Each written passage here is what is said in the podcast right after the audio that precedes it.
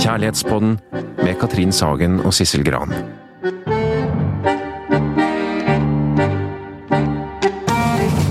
Ja, Sissel. Nå er vi i studio igjen, du og jeg. Endelig. Endelig. Det var, det var litt lang pause, mm. syns jeg. Men um, det har sine grunner, og nå er vi tilbake. Rett og slett. Men vi har ikke vært dødssyke. Vi Nei. har bare litt mye annet å drive med. Det er nettopp det. Mm. Um, men nå skal dette prioriteres igjen, og vi um, må også, jeg må også få lov til å si at at vi er veldig takknemlige til alle dere som lytter til oss, og som også har sendt oss eh, masse meldinger og etterspurt nye episoder, stoppet oss på gaten, ønsket dere temaer, skrevet lange brev. Eh, tusen takk for at dere lytter og ønsker mer. Det hjelper oss til å kjenne at nå må vi bare mobilisere og lage, altså. Mm, yes, det er helt riktig.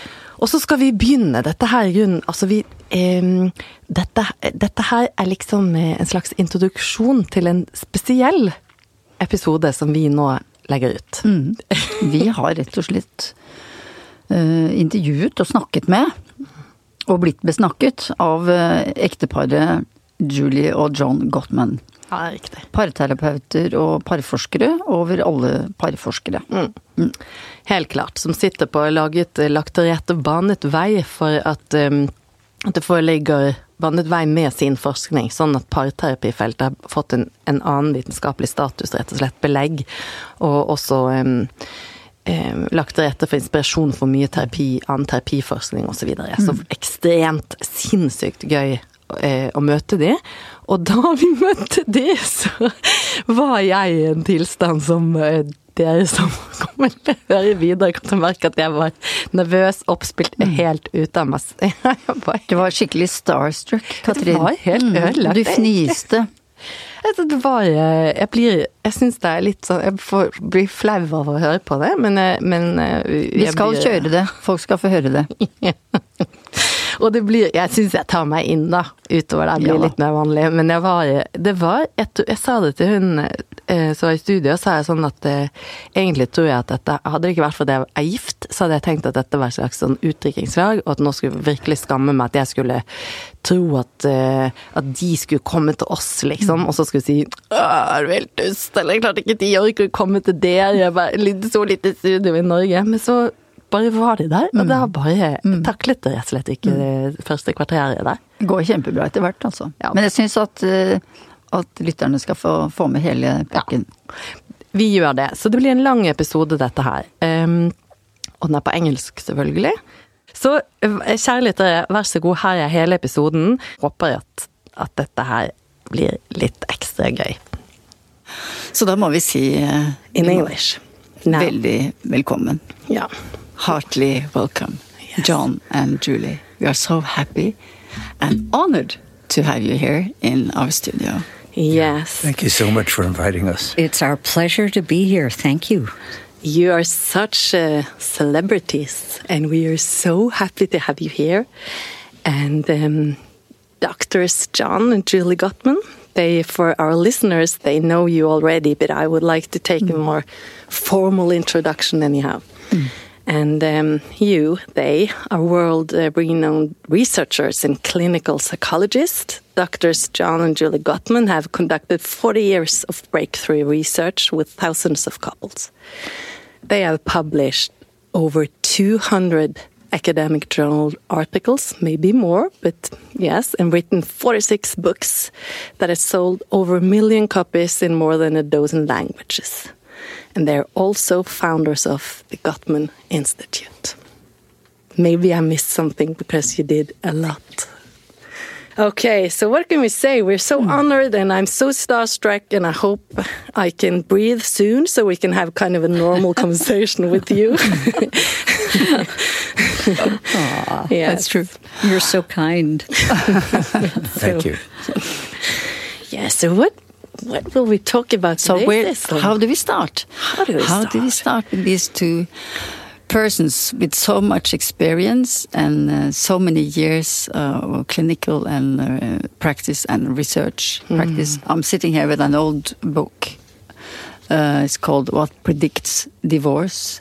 um, the relationship between marital processes and marital outcomes. I've even read it. It's a very thick book about why does it not work between people? Why uh, do marriages break up? What happens to people during the march or in the long run or in the short and things like that uh, that uh, we, would like to go into these things um, but first of all before we do that we have to say congratulations to Julie Gottman with a with a new book in Norwegian hmm. uh, yes and uh, it's called in Norwegian Ti prinsipper for effektiv parterapi. That's a book for therapists, but uh, I'm sure that people who um, uh, who are not therapists, but um, people with um, the, if well, they are in a couple or want to be in yeah. a couple, it's a nice book for them as well. Yes, and right. I know because I read it. You have read it, and yes. I am now reading it. Yes, yes, yes. Okay, so. Um, yeah. How, what, how do we go about we this? Go? Because there are so many things. I'd like yes. to ask them first of all, how are you? Uh, how are you? You've come uh, such a long way, nine hours on the plane or something like that. How are you? Actually, almost 24. Almost 24. that sounds horrible. But we are wonderful because we're in Norway. And okay. we happen to love Norway and think that the Norwegians are vastly superior mm. people. And I'm not saying that lightly. I actually mean it uh, because of uh, the choices you make in values, uh, your political choices, your economic choices. Um, it's it's really a treasure to be here. Thank you. Thank you. It's very nice to hear that. Mm. I feel the same way. Okay. Mm. Thank you. So um, times are a bit tough where you come from these days. mm-hmm. Times are beyond tough. Okay. Uh, I've heard some Americans say that they are worn out from aggression fatigue. Mm. Um, and that's uh, very sad to hear.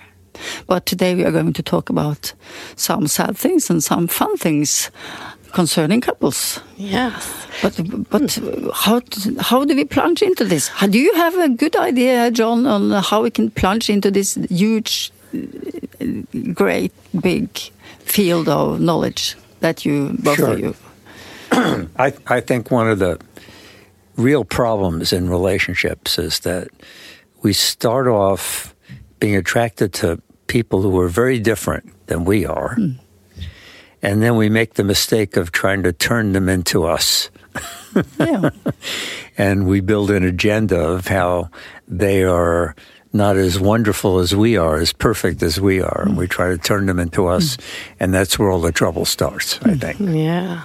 That's a good way to begin, don't you think? sure. What do you think, Julie? Um, well, let me just describe something about uh, the research. Would that be a good place to start? A also, very good place mm-hmm. to start. Okay, so. John and his colleague, uh, Dr. Robert Levenson, who was a professor at the University of California at Berkeley, um, this is long before I came along. Um, they were having a terrible time in relationships, just awful. And they decided rather than having a relationship, they would study relationships. So um, they figured out a way to do that where they would bring a couple into their lab and t- have the couple talk about a problem between them for about 15 minutes and also talk about the events of their day together for 15 minutes.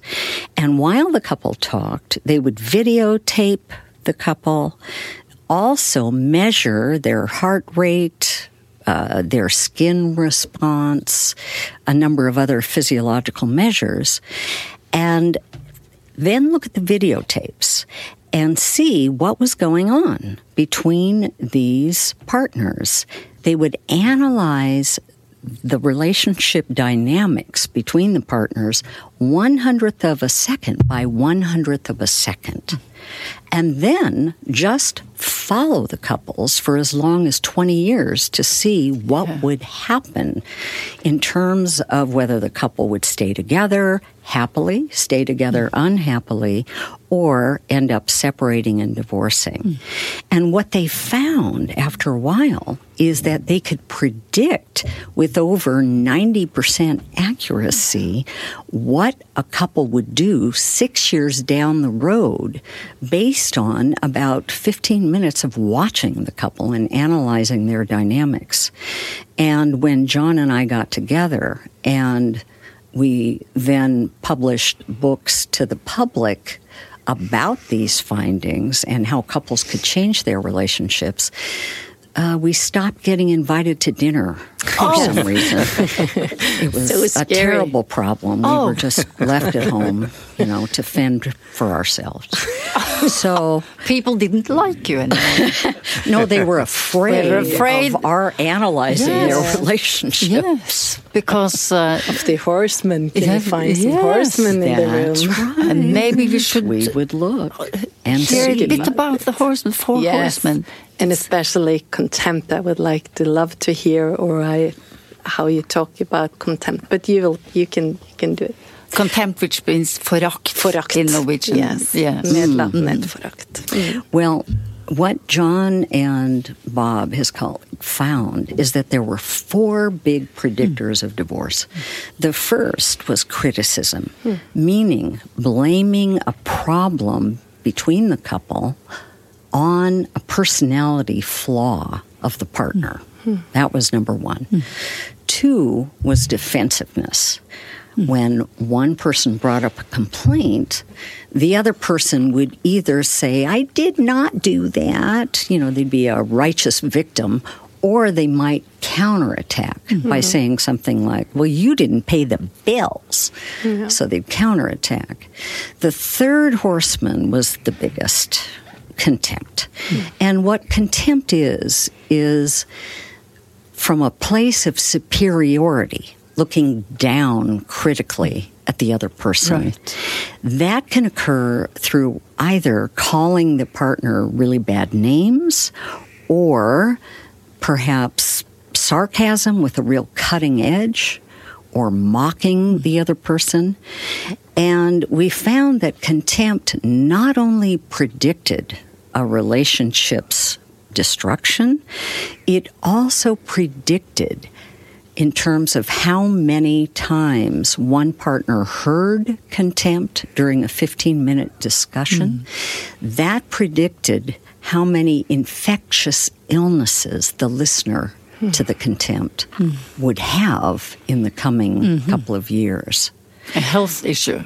Yes. yes. So contempt not only predicted the demise of the relationship, it also predicted the demise of the immune system mm-hmm. of the listener. Mm-hmm. Because it's so hurtful. It's so hurtful. Mm-hmm. It's so painful. It's really shaming the other person. Mm. So, have we some examples? I heard you uh, and you as well um, come really brilliant and different examples of how contempt can be. Like, um, uh, if, if, I think you said in a, in an argument, someone said, "Do you think you're better than me?" And then mm. she hmm. said, "Better than I." right, right. To go in and correct right. the grammar, that's really that's, that's superiority. Yeah, right. Yep, yep. Mm -hmm. that's right. And mm -hmm. not listening to the message. Yeah. The fourth big predictor was really interesting. We call mm. it stonewalling. Yeah.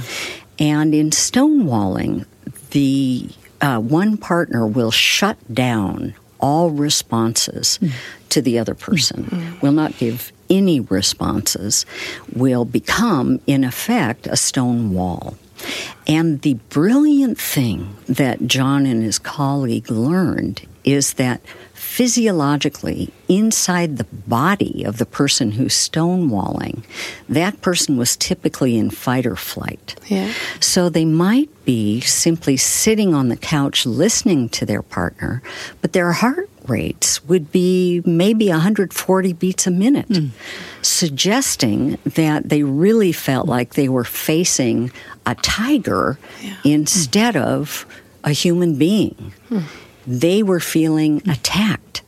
And in fight or flight, we cannot think straight, we can't problem solve, we can't listen accurately. And so the person who was stonewalling was trying to withdraw from the interaction in order mm. to soothe themselves. Mm. To protect themselves too, to protect mm. the to protect themselves or well they weren't really protecting no. themselves because they were still sitting there right right mm. so, so, they were still or... getting attacked mm um, or thinking mm-hmm. they were getting attacked. Yeah, right. But the sad thing is that sometimes when a person is in fight or flight, what we call diffuse physiological arousal, the other person could be saying, I love you so much. Mm.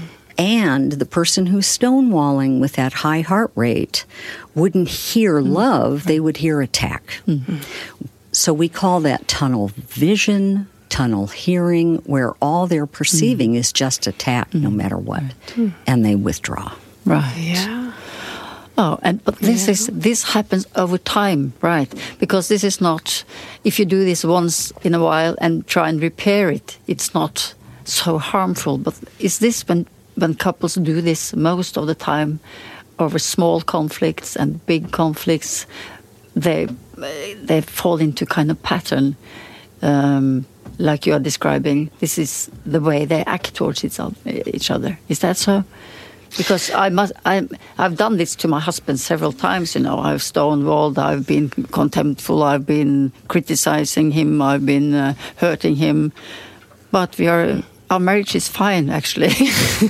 well, you're pointing out something really important, yeah. which is that the big difference between couples who are successful and couples who are not successful mm. is the successful ones maybe don't do the criticism and contempt or defensiveness as much, but when they do it, they go back and make a repair. Right. Okay. They process yeah. what went wrong in the communication and take responsibility for their part in it right. in order to make that repair. Yeah, right. Well, okay. I'm quite good at saying so, I'm really sorry, so that's a good thing, I think. Yeah. Congratulations. So, for what is the most important thing in reparation? How do you do that with your partner so you know that it will work? Well, repair is most effective if it's done early, mm -hmm. before the interaction deteriorates too badly. And the most effective repair of all, and we spent seven years studying how couples actually repair, is taking responsibility mm. for even a small part of the mm. problem. Yeah. And this is particularly effective when a woman does it for a guy. Because there's an old joke if a man speaks in a forest and there's not a woman to hear him, is he still wrong? So men are always thinking when their wives are going to talk about something that they're going to be the problem. They're going to be blamed for the problem. So if she says, "Oh, you know, don't worry about this. Really, you know, we both have a part to play." It's really like manna falling from heaven. It just feels wonderful for a guy. Yeah. So that that that's what we discovered about repair. And the other part of it is that they both have to really want to accept the repair. Hmm. It's not mm-hmm. enough for one person mm-hmm. to repair. Uh, the most perfect repair can be made, and if it's not received in the climate of agreement mm-hmm. that your partner is repairing, then it won't work. Right. So mm-hmm. both have some work to do mm. in the rep- reparation or in the t- t- mm. to make it work. Mm. Let me add something. You know, when you've had a really bad, regrettable incident, a lot of people will apologize, but they apologize too quickly. Mm. What's really important to do is for each person to really understand the other person's point of view of what happened, to understand the feelings that came up for that individual, not only the current feelings related to the incident, but perhaps old feelings that got triggered, mm-hmm. then take responsibility and apologize. Yeah. When couples do mm-hmm. that, then the apology feels more real mm, and more sincere mm-hmm. because the person apologizing understands mm. the impact of their behavior on the other right. and knows really what they're apologizing mm-hmm. for. That makes mm-hmm. a big mm-hmm. difference. Mm. That's it. So then it's mm. easier mm. to forgive. Or what do you think about uh, the difference between a, an, an apology and forgiveness? Mm, that's a great question. Um, forgiveness is not always necessary for couples to move forward and to continue to repair the relationship. Uh, let me give you an example. Let's say, take a very bad example. Let's say that uh, in a, a, couple, one person got very, very drunk. Hmm. And alcohol, of course, disinhibits aggression. That person batters the other partner, really beats mm-hmm. up the other partner. When they get sober the next day, they may not remember what happened, or they may remember and then apologize for it. Now, it's one thing if that uh, individual who drank too much changes their behavior. Then it can feel real, the incident can be forgiven. But if it happens over and over and over again, there's not going to be forgiveness. It doesn't make sense to forgive mm-hmm. because the, in order for real forgiveness to be given, that person who's forgiving has to see a change in behavior. Mm-hmm. If there's no change in behavior or even an attempt mm. to change behavior, it's very difficult yeah. to yeah, true. So, do you think they yeah. can live happy, happily together without forgiveness, or is can you? Uh, is it just to work on let go more if mm. you want to live together, despite of that argument over that But I don't think forgiveness is absolutely necessary. No. To live I together happily. You. Let me mm. give you another mm-hmm. example. So, we uh, have developed a treatment for affairs. Hmm. Yeah. And lots of couples, you know, may have an affair mm. or more. We once yeah. treated a couple who had, the fellow had 57 affairs and he had three mm. children at home. Yes. Mm. So, okay. So, what does that mean? Well, when let's take that extreme example that couple came into treatment uh, we worked john and i together worked with this couple extensively and she wasn't going to forgive him for all those betrayals. It was so painful. But what they had to do and what we helped them work on is creating marriage number two. Yeah. So marriage number one was gone. Yeah. Mm. Uh, the woman had been traumatized. Mm. She had some PTSD, post traumatic stress disorder, from all the betrayals, which were yeah. unpredictable, horrible catastrophes in her life, in her world, that turned her world upside down. Mm. So, first of all, she had to rebuild trust, but it was going to be a different kind of trust, right? Mm. Not the, the trust of pure innocence, no. warmth, youthful innocence. It was more of a knowing mm.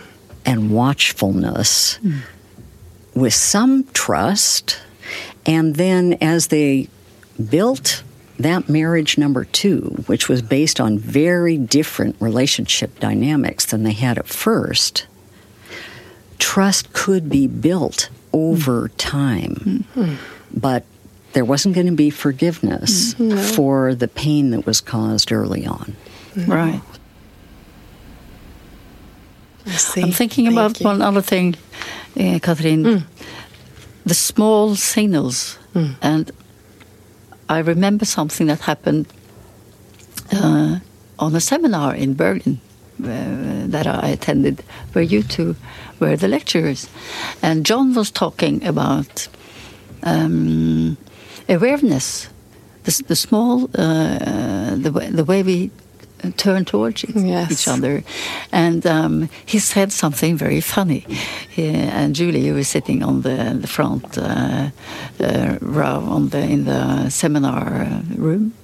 Uh, lots of people there. And John said, um, if I if I sense that my wife uh, that something is wrong, or that she is uh, um, not pleased with something or something is uh, something is bad, the world stops. That's what he said. He said the world stops, and we uh, we laughed a little bit. But then you said, "I mean it. It's serious." Uh, because what I have to do then is to put away my mobile phone, my iPad, and everything, and ask her, "Is something wrong? Uh, what is the matter?" Um, which means um, you saw her and the importance of seeing the other person in a relationship. Could you speak uh, a little bit about that? I think that's true. Um, I think I've learned over time that when Julie is upset about something, that it really pays to listen mm. and to put my own perceptions on the back burner and not not push my own point of view mm. and try to understand what she's feeling and what she needs mm. because there's gold there. There's and, gold there, yes. Yeah, and at the end, we feel closer to each other and connected to one mm. another. And she listens to me as well. Mm. So I think that often people don't want to hear their partner's negativity. Mm. And they're saying, you know, if you want if you want my attention, come to me when you're happy. Mm. Come to me when you're you want to make love or you want to have fun or play with me. Mm. But really, they're missing an opportunity for connection. Mm. And I know, at least with my wife, that you know, there's always there's always something there when she's very emotional. Hmm. That she has something important that she wants hmm. to let me know. Hmm. And. Yeah just two weeks ago, for example, I learned something about her yeah. that I never knew before. I wish I had known it 30 years ago. Okay. But when I'm sitting in the living room reading and Julie comes in and starts reading, I feel fine. I'm glad to have her there. But she doesn't feel important to me. Um, if I close my book and come over and sit down next to her and say hello, and we just connect for a moment. And then I go back to reading. Mm. She feels really good. She mm. feels really mm. welcomed. Mm. And I don't need that, but she does. It's so easy for me to do that once I understand what she needs. It mm. takes it takes a couple of seconds. And then we both enjoy being in the mm. living room. But we have different needs. I don't need that. She does. Sometimes I need something. She doesn't need it. You know, she's very independent. You know, I may really enjoy a hug when she comes in, or I come home from work. And, you know, it's not something she needs. But understanding these very small needs mm. in the moment uh, makes connection so simple. Mm. Right. Oh. And that's oh, so beautiful to listen to this. Mm. And it's all about that, isn't it? The connection and what happens when we lose the emotional connection with the other and how we get right. scared and what where we really get stuck in this exactly bad dynamics. Yeah, and the horseman comes right in, right in the room, stampeding, yeah. as we say. And I, I heard something else that you said that I laughed really about uh, the other day. I um, when I did some research on you, and you, you said yes, I don't like dogs and I don't want a dog. And then Julie said, but I would like a dog. And then we compromised and we, we bought a dog. That's right. yeah, I lost my fear of dogs. Yes. I really, you know, we have a wonderful dog now, and, you know, he and I are very close buddies. yeah. And uh, he's very wise. He really taught me how to relax. That's nice. And you also made your wife happy. That's right. Right? So it's and it's our about, daughter. And our yes, daughter. And your daughter as well. was the big thing. Oh yes. Yeah. Okay, I see. No child should be raised without a dog or cat. okay. We have to go home and rethink. but what about the starting of relationships mm -hmm. because what people yeah. talk to us about or ask us a lot these days is um, they are on Tinder, on dating oh, apps, right. and they can't right. find anybody. Mm -hmm. And that is a, an interesting uh, subject. Could we talk a little bit about that? Because in this book, uh, uh, lying here. So, given that called the man's guide, yes. What is that? It's yeah. yeah. we don't. We can't translate. That's man's guide to women. Oh, it's man's guide to women. Yeah, it's oh. the man's guide to women, which is right. a very good title. But in Norwegian, it's what women want, what men want. Also hva kvinner vil ha, uh, det kvinner vil ha, og det menn vil ha. I would have liked the man's guide to women better. All right, oh, but all never right. mind. But this is do you want I me to take a question from the listeners? Yeah, but, uh, but wait a bit, because like, yeah. what I'm thinking about is that this book should be all these guys who can't find a girl, mm -hmm. or also the girls who can't find the guy, or the guy who can't find the guy, or, or hmm. the girl who can't find the girl, should read this book because uh, it's so concrete on what to do and what you should not do when you are looking for a love for your life, of your life. And um, so we have to talk a bit more about that book uh, later in another uh, podcast episode. But uh, could you just say a little bit about the uh, um, what should we be looking for and how should we behave? to find what we are looking for. You said that it was a disaster with John and uh, his colleague uh, before he started studying couples, uh, and which is described in this book too. Well, this book is really more about um, when a man and a woman are in a relationship. Yes, I know. I know. For how you know yeah. how the man can understand uh, his partner's mm. emotional world, physical world, Absolutely. hormonal world, mm. you know, and so on. Um, I might mention that we've just published a book in the United yeah. States called Eight Dates. Mm, okay. Essential conversations. Give us that. for a yeah. lifetime of love. Oh, good. And that's the book, really, oh. that is more about when couples first come together, mm-hmm. what do you look for? Yes, right. And what kind of conversations should you try to have, right. Mm. either at the beginning of a relationship or even in a long lasting relationship where the connection has become yeah. distant? Mm-hmm. And the quality and lo- of the conversation, how to reach out and talk about important stuff, right? Something like that. Yeah, but some- it's more about.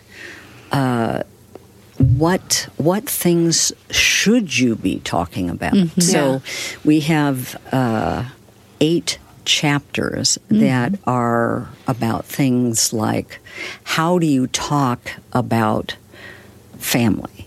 How mm-hmm. do you talk about trust and commitment? Mm. How do you talk about um, sex? Mm. How do you talk about your dreams.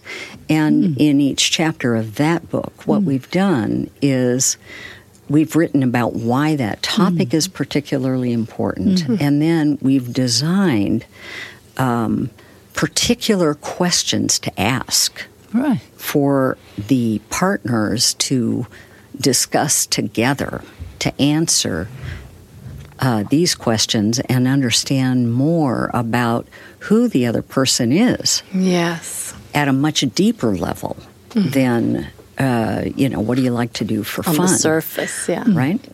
So I think things like Tinder and so on mm-hmm. um, allow people to meet very quickly, maybe get intimate very quickly, but there's no knowledge out there about the kinds of things that are really important mm-hmm. for partners to understand mm-hmm. about each mm-hmm. other as they're developing an mm-hmm. ongoing relationship. And that's what that book is for. Oh, that's good. Wow, we'll have then to, we can find it at Amazon. Very good. We'll, uh, we'll have that book and we'll uh, talk about that book. Så det burde that's dere right. andre også yeah. gjøre som yeah. sitter og lytter på dette.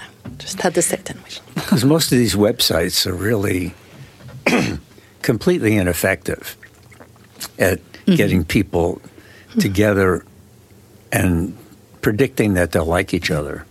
So, for example, in OK Cupid, uh, their own data shows that when they make 50,000 pairings, out of those 50,000 pairings, only 5,000 dates emerge. Mm-hmm. And out of the 5,000 dates, only 200 people will like each other.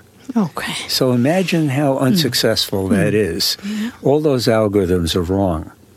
Mm. And the Eight Day, Days book says, well, when you get together with somebody and you like them already, you know, you find them interesting or attractive mm. in some way, now have these conversations, as Julie said, so you can really explore that person and who that person is. Mm.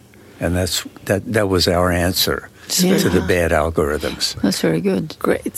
So do they um, look like the same kind of questions that um, when you when you are um, search or doing the love um, map. Is that what you call it? Yes. Yes. Mm. yes it's, it does it look like very much same, like or? that. Uh, yeah. Open-ended questions. Yes. Mm. Right. But the open-ended questions are designed to really get at what people really think yeah. and what they prefer.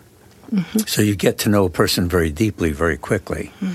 So, for example, the first date is saying, "So, in your family growing up." how did your parents show one another that they were trustworthy, that they could trust one mm-hmm. another? Or how did they fail to do that? Mm-hmm. How did your parents show one mm-hmm. another they were committed to one another? Or how did they fail to do that?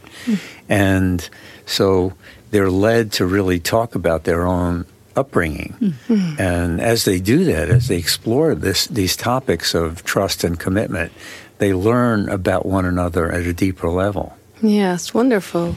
I think it's, it's like interesting. Aaron. Yes, yeah. good. Yeah, it's very mm -hmm. good because when you when we talk to young people about their all their Tinder dates, all their uh, being mm. kind, a job interview, like uh, oh, right. very very superficial, superficial, stressful, stressful. They're really stressed, yeah. and they mm -hmm. uh, some of them really numb out right. Uh, and they just sit there like statues and uh, nothing happens. And they do the same thing over and over again with a new person. Mm. And they get disappointed, uh, they lose their self confidence, uh, they get more and more uh, lonely. Right. And um, in the end, they, uh, they think there's no one out there for me. And what's wrong with me? and will I ever be exactly. uh, with someone? Will I ever be able to have a family? So the, many of these dating sites and apps are really taking uh, the guts out of people, or they're mm-hmm. making them. Uh, I think it's very not dangerous, maybe, but it's quite depressing.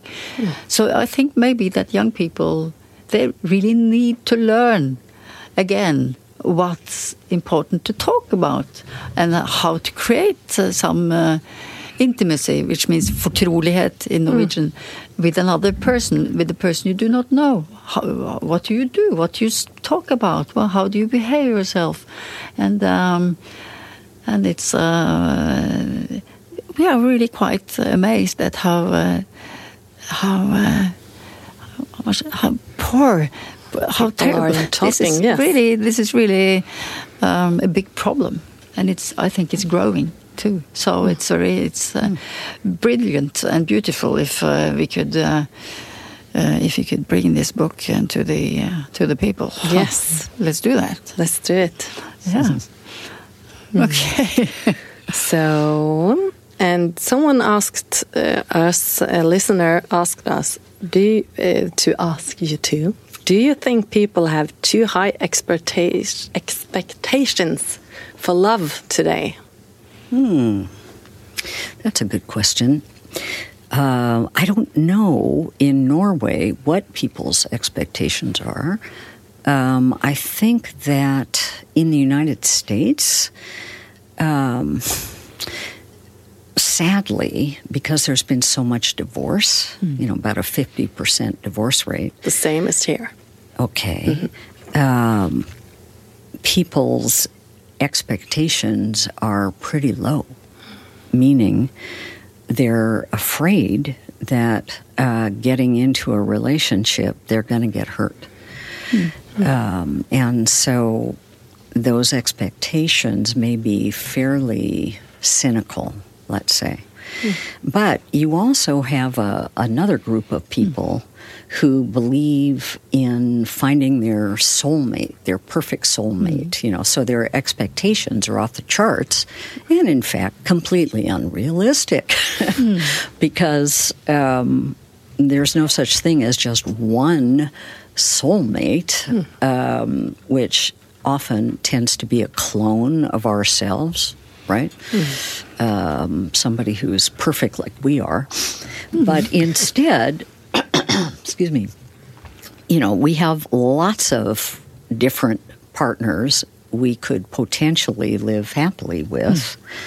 uh, depending on which aspects of ourselves are uh, interesting for that relationship.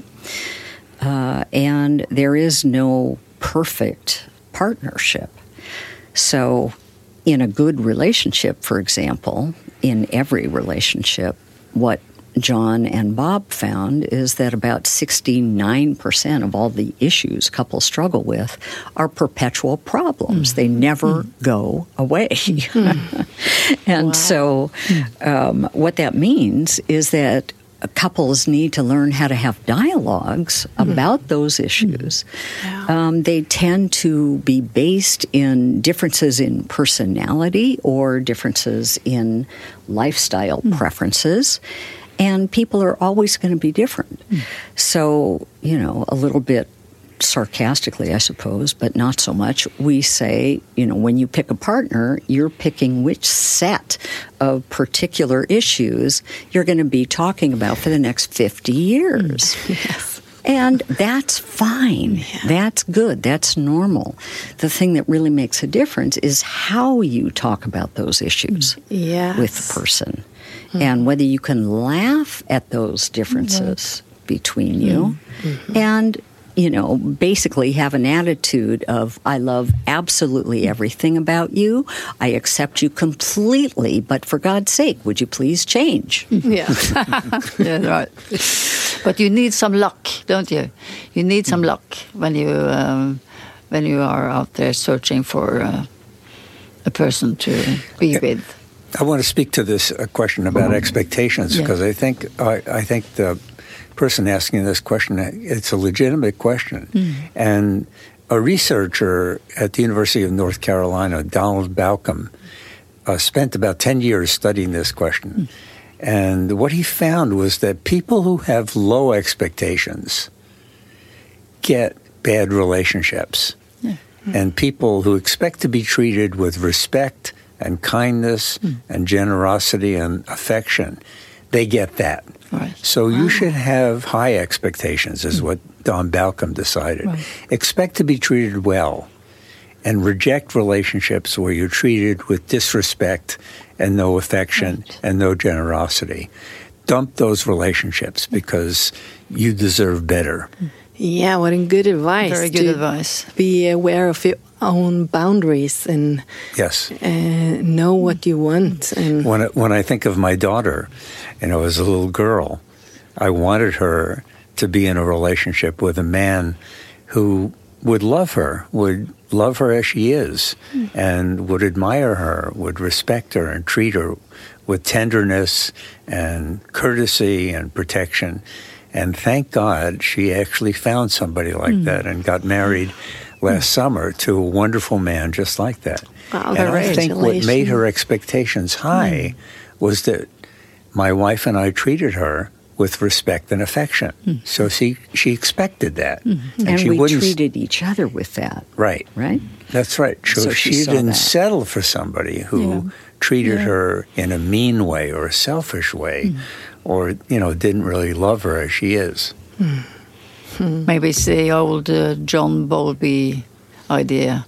I deserve uh, I deserve a good person. I trust in other people, and uh, I trust in that other people can love me too.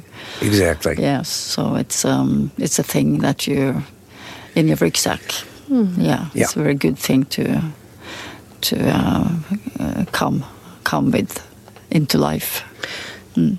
Uh, so we need to talk a, a little yeah. bit about uh, lust and sex, lust and sex and, well. eroticism, and all yes. those great things that uh, that uh, fall out of yes, couples. because mm -hmm. yes, we talked uh, about this mm. in the podcast before because we see that uh, young couples, like in the thirties or and so, they they don't they they describe safe and um, how come yeah. they love their partners. Yes. They they say we are very good friends. Uh, we can talk about most things. Um, we are not bored, but we don't have sex anymore, and we are very worried about that, and we miss it. And um, to therapists like us, and it's difficult sometimes to get that. Um, uh, that question. What shall we do about that? Uh, can yes, you help we don't us getting really our trust it's the... because it's trust it's trust it's uh, trust affection it. but it's no uh, no uh, excitement anymore it's no um, mm. and it's a dilemma i think for uh, therapists yes. to get this and we yes, get this how to work on this how to, how, how to help them what do we well, do first of all um, one of the things that I think is extremely important uh, is as a therapist, you have to assess the relationship, right? Mm-hmm. So for a couple to say, yeah, we're, we're intimate, we can talk about everything, et cetera, et cetera, you have no idea of what's really going on right. inside the relationship. So unless you assess it, um, there's you know, you're not going to because know. you will might not find that they are that good friends as they are telling us, right? Mm-mm, absolutely not. Mm-hmm. And the other thing too that's really important. Actually, we devi- we um, designed a group of exercises uh, to help couples with sex and intimacy issues is can they talk about sex? Can they talk about what they prefer, mm-hmm. what they actually like, what kind of touch they like, where they like to be mm-hmm. touched, what kind of pressure in the touching? Do they like to be kissed? Where? Mm. Etc. So at least we find in the United States, we're a very prudish culture. Mm-hmm. We don't talk about sex. So a conversation about sex may sound something like this. Well, you know that thing that happened, you know, the other night? Well, that was, it was okay, but, you know, it just really wasn't that great. And, and you know, I, I think it would be better if it was a little different. And you have no idea what they're talking about. Are they talking about watching TV? I mean, who knows? So, you know, the, the fact of the matter is that couples who can really talk about their mm. sexual connection and the intimacy that they prefer and to feel safe doing mm. that are going to have a better sex life, first of all. Mm. Secondly, it's very important that when one partner or the other is not in the mood, so to speak, and doesn't want to have sex when the other person does, that that person who hears the refusal needs to be very accepting and non judgmental about that refusal and to respond to it by saying something like, Okay, I get it. I'm glad you told me. So, is there something else you would like to do? You know, you want to watch a movie? Do you want to just cuddle? What would feel good for you? And if you hurt, you can tell, oh, now I feel really rejected and I feel bad. And then the partner can say, "Oh, I'm so sorry. I didn't mean to. I love you, but I'm not in the mood for sex right now." That's but, right. Right? Something True. like that. Yeah, exactly. Yeah. Mm-hmm. That's right. Mm-hmm. That's right. So if there is some rejection, the other person is reassured that there's still love, mm-hmm. that this is not a personal rejection of that person, of that partner. It's rather you know, the classic, I've got a headache, or mm-hmm. I've just been up for 17 hours with our baby. I'm yeah. kind of worn out. right? Or so, I'm angry with you, so we have to uh-huh. talk a bit before right. because I don't want right. you right now. That's right. right. Exactly. That's Can right. Be that a lot of times, conflict is what kills mm. uh, sexual desire. Mm. You know, uh, can, am I interrupting you? No, go okay, for it. Okay, so sweetie. my favorite study that has been done recently about sex was done with 70,000 people in 24 countries. Mm. And my former colleague, Pepper Schwartz, was one of the researchers in this. And the amazing thing was they had that one question What is it that people who have a great sex life have in common, and how are they mm. different from people who say their sex life is bad? Mm. So they're looking in China, Brazil, mm. Italy, Spain, Canada, all over the world. And one thing emerged. And, you know, I thought it would be because Pepper Schwartz is a sex therapist, mm. there would be some sexual technique, you know, maybe oral sex was mm. more common or something like that. What they found was that the people who had a great sex life said, I love you every day and meant it. Mm. They kissed each other for passionately for no reason at all. Mm-hmm. They gave compliments mm. to their partner. They gave romantic gifts. Mm. They had a weekly date. They cuddled on a regular basis without sex, mm. just that touch yeah. and connection. Mm. And the things that came out were so simple. They were affectionate, even in public. Mm. So it wasn't techniques for sex. It was really about physical and emotional connection that made the difference. Hmm. Yeah. And I thought that was so amazing. Yeah. Hmm. It's not rocket science, and it really focuses on intimacy and connection. Yeah, so it's amazing. tune in, tune in, tune into mm-hmm. the other person. That's true. And that's why what Julie said, mm-hmm. you know, was so wonderful because unless you do a thorough assessment of the relationship and look at all the aspects of the relationship thoroughly, then you don't know what the dynamics are no. of no sex for that couple. Mm. And it could be different for mm. many different couples. Mm. It could be different pathways mm. to them not having sex mm. anymore. Right. So if you're not in therapy, then you can try to do this assessment yourself, right? Mm-hmm. If you just are in a couple and struggling mm. with sex and you don't go to therapy, then you have to really rethink are we tuning in? Are we are we have do we find time for sex? Do we really do that? And do we mm. cuddle? Do we find mm. talk? Mm. Things like that. Mm-hmm. Try to do And do we feel emotionally safe with one yeah. another? Mm-hmm. Do we feel safe? You know, especially for a woman in a heterosexual relationship. Yeah. That's a big deal. Mm-hmm. Right? Mm. Have to feel safe. What really kills sex is loneliness. Yeah, that's true absolutely the feeling of loneliness mm-hmm. that you are isolated with your partner right. you are alone uh, even though your partner is there yes yeah, i think exactly. that's one of the main um, things that people say when they when you ask them why did you leave why did uh, why did the marriage exactly. break up mm-hmm. uh, and i think very many people say i felt lonely mm-hmm. i felt isolated it mm-hmm. was um, i felt like i was dying mm. Mm. Exactly. Yeah. So that's um, very serious business. Yeah. Mm. But I think with sex, in this country with so much uh, uh, equality, gender equality by law, etc., there's still some shame. In uh, women still feel shame, ashamed of asking for um, uh, sexual things.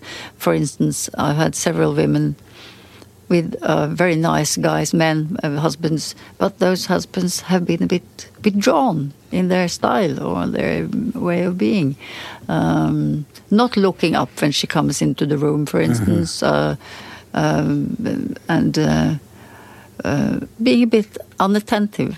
Um, and with a childhood background, maybe explaining this way of being. And some of these women uh, have been so angry. And um, by assessing and by digging deep into what's going on in these relationships, we find out, or I've found out several times, that these women they want um, they want a man, they want him to grab them a bit more, not asking politely if it's okay to have sex, but uh, insisting a bit more sometimes without words and sometimes uh, with a bit more initiative. And it's very difficult for a modern Norwegian woman to ask for that because uh, uh, does she want an aggressor and a terrible guy or No, she doesn't. Uh, she wants a nice uh, uh, uh, man who is um, for equality. So how can she ask him, uh, being a bit more of a he-man? Very difficult. Very difficult. She wants to feel desired. Yes. And that's the biggest complaint that men have too. Mm. You know, when True. when there's no sex, it's mm. not that they want sex frequently; they want to feel desired. Desired. And both men and women want that. Right. That's perfectly normal and yes. natural. But it's difficult to say. Difficult to utter right. those words. What maybe. you're what you're bringing out yeah. is something that's really interesting. Yeah. You know, we're we're in a, a cultural uh, junction yes. where there's two roles you know that are in conflict mm. one is the strong powerful equal woman who you know should want an equal relationship mm. outside of bed and inside of bed but at on the other hand you know that evolutionary instinct for women to have a man who's strong, who's protective, who's maybe, as you're describing, you know, a little bit dominant, mm-hmm. you know, in mm-hmm. some way, which makes her feel more feminine. You know, it's that kind of classic masculine feminine gender role that we've been trying to reverse, but then again, it still lives there mm. Inside of us. So, how do we deal with that? You know, especially as women. Mm if we're asking for a more dominant and you know initiation of sex does that mean we're not feminists or we're not a strong woman no it doesn't mean that mm-hmm. it just means some of the time it would be fun to be that kind of classic princess where the guy is you know climbing up the wall to jump into her room mm-hmm. right so yes. it's a crazy making time for women. Yes, it is. Especially, and for men too, because men don't know which way they should behave mm. with a woman. Mm-hmm. Some of the time, the woman just wants, you know, that egalitarian mm. uh, connection. Other times, the woman may want something very different. And they're trying to read the signals mm. and they don't know what to be when. Mm. So, you know, the more open people can be about what they're feeling in the moment and what they're liking or wanting in the moment, the better. Yes, absolutely true. We have a tool for that, actually. Yeah. Um, that's 100 questions you can ask a man about his erotic world and 100 questions you can ask a woman about her erotic world. Mm-hmm. And this tool is available for free uh, at the App Store. If you type in Gottman Card Decks, and you can download an app that does that. It's been downloaded 200,000 times now oh. for free. And That's great. you can build this erotic That's map great. of your yes. partner. And you can find out, you know, by asking questions about sexual fantasies, yes. about how she likes to be touched, how he likes to be touched, and all kinds yes. of things like that. Let me also mention that uh, we also have um, similar but different sets of questions for gay and lesbian mm. couples yeah, great. as well. I wanted to ask about that. Yeah, mm. of course. Right. Mm. Yeah, that's great that you mentioned that. Thank you. These are good tools. Yes, we like it. I don't want to stop this now, but uh, I don't know if we have any more time now. I know that you're a bit jet lagged, so we will. Um, we will uh, uh, kill you here. You're going so, to have a, a big seminar. Yes, we yes. are. Um, mm-hmm. Our level one uh, training, which mm-hmm. is our kind of introductory and, um, you know, very central training in how to do assessment in our couples methods as mm-hmm. well as intervention with some films all the way through the training of uh, just an incredible couple that I worked mm. with um, to demonstrate the assessment methods mm. and the intervention methods. I'm looking so forward. Uh, you are going to attend, and I'm yes. going to Lillehammer to talk to old people. Great. Yeah. And Julie's book, uh, The 10 Principles yeah. for Doing Effective Couples Therapy, really describes a lot of our methods. Yes, it does. Very readable. Yes, very readable. So lots will... of stories of humility mm. as a therapist. Could I ask you something? Yeah. Uh, yeah. Right now, at the end, uh, we're all getting older. She's still young. Catrin is young, but I'm getting older. You're getting older. How does that affect us as therapists, uh, getting older and not so strong as you used to be physically, for instance? Uh, uh, John, could you say something about that? I, I love doing therapy yeah, uh, as I get older because uh, my capacity to understand people and to love them mm. has increased a great deal since mm. I've been married to Julie. Yeah. She's helped me a lot uh, in that regard, and I find it mm. I find it fascinating. Yes, to, right. To be older and do therapy. It doesn't require a lot of stamina. no, right. Just requires yes. the ability to love people who yeah. are really very, very different from me. Uh, and to understand what yeah. they're like and you know just so much fun and so Great. getting older i don't think has made me uh, less strong as a therapist no. i think the opposite is true has it made, you, made you better yes yeah i mm. think so mm. yeah right i have a lot of humility about it though yes you know yes right. Uh, how about she's you, really a much yeah. better therapist than i am um, I love doing therapy, and I always have. I mean, when I was mm-hmm. 10 years old, mm-hmm. I really kind of heard a message in my heart that was about becoming a therapist mm-hmm. later. I mean, a very clear message. And sure enough, that's what happened. Yes. and so um, I think the older I get, uh, the more I I don't have to think mm. about what I'm doing. Right. I just uh, stay as open as I can. Mm. Uh, I don't try to prove anything. I don't try to impress mm. anyone. Um, there's a freedom hmm. from that as right. we get older. Right. Uh, less self judgment, mm-hmm. less self criticism, mm-hmm. Uh, and much more of an acceptance of the role of a therapist, the true role, which is to witness a person healing themselves right. or a couple healing mm-hmm. themselves. And, you know, we're there to mm-hmm. just listen to the guidance that that individual or couple is providing for us in the room. Being a witness, I think that's a beautiful way to say it, and I think we should mm. say thank you and I have so to, much. I have to, if it's okay with you, can I just film us right now when we're talking so we can post that? yeah. And also, we will post um, links to your books, right? So, Great. so Thank all you. the listeners can find it and know where to to look for the books. Yeah. yeah. So now you have to ask them something, Sissel. I have to ask him something. Yeah. Is there any, or is there anything you would like to talk about that we didn't ask you, for example? I don't know. And if there is not, uh, Sissel can where's the find. nearest bed?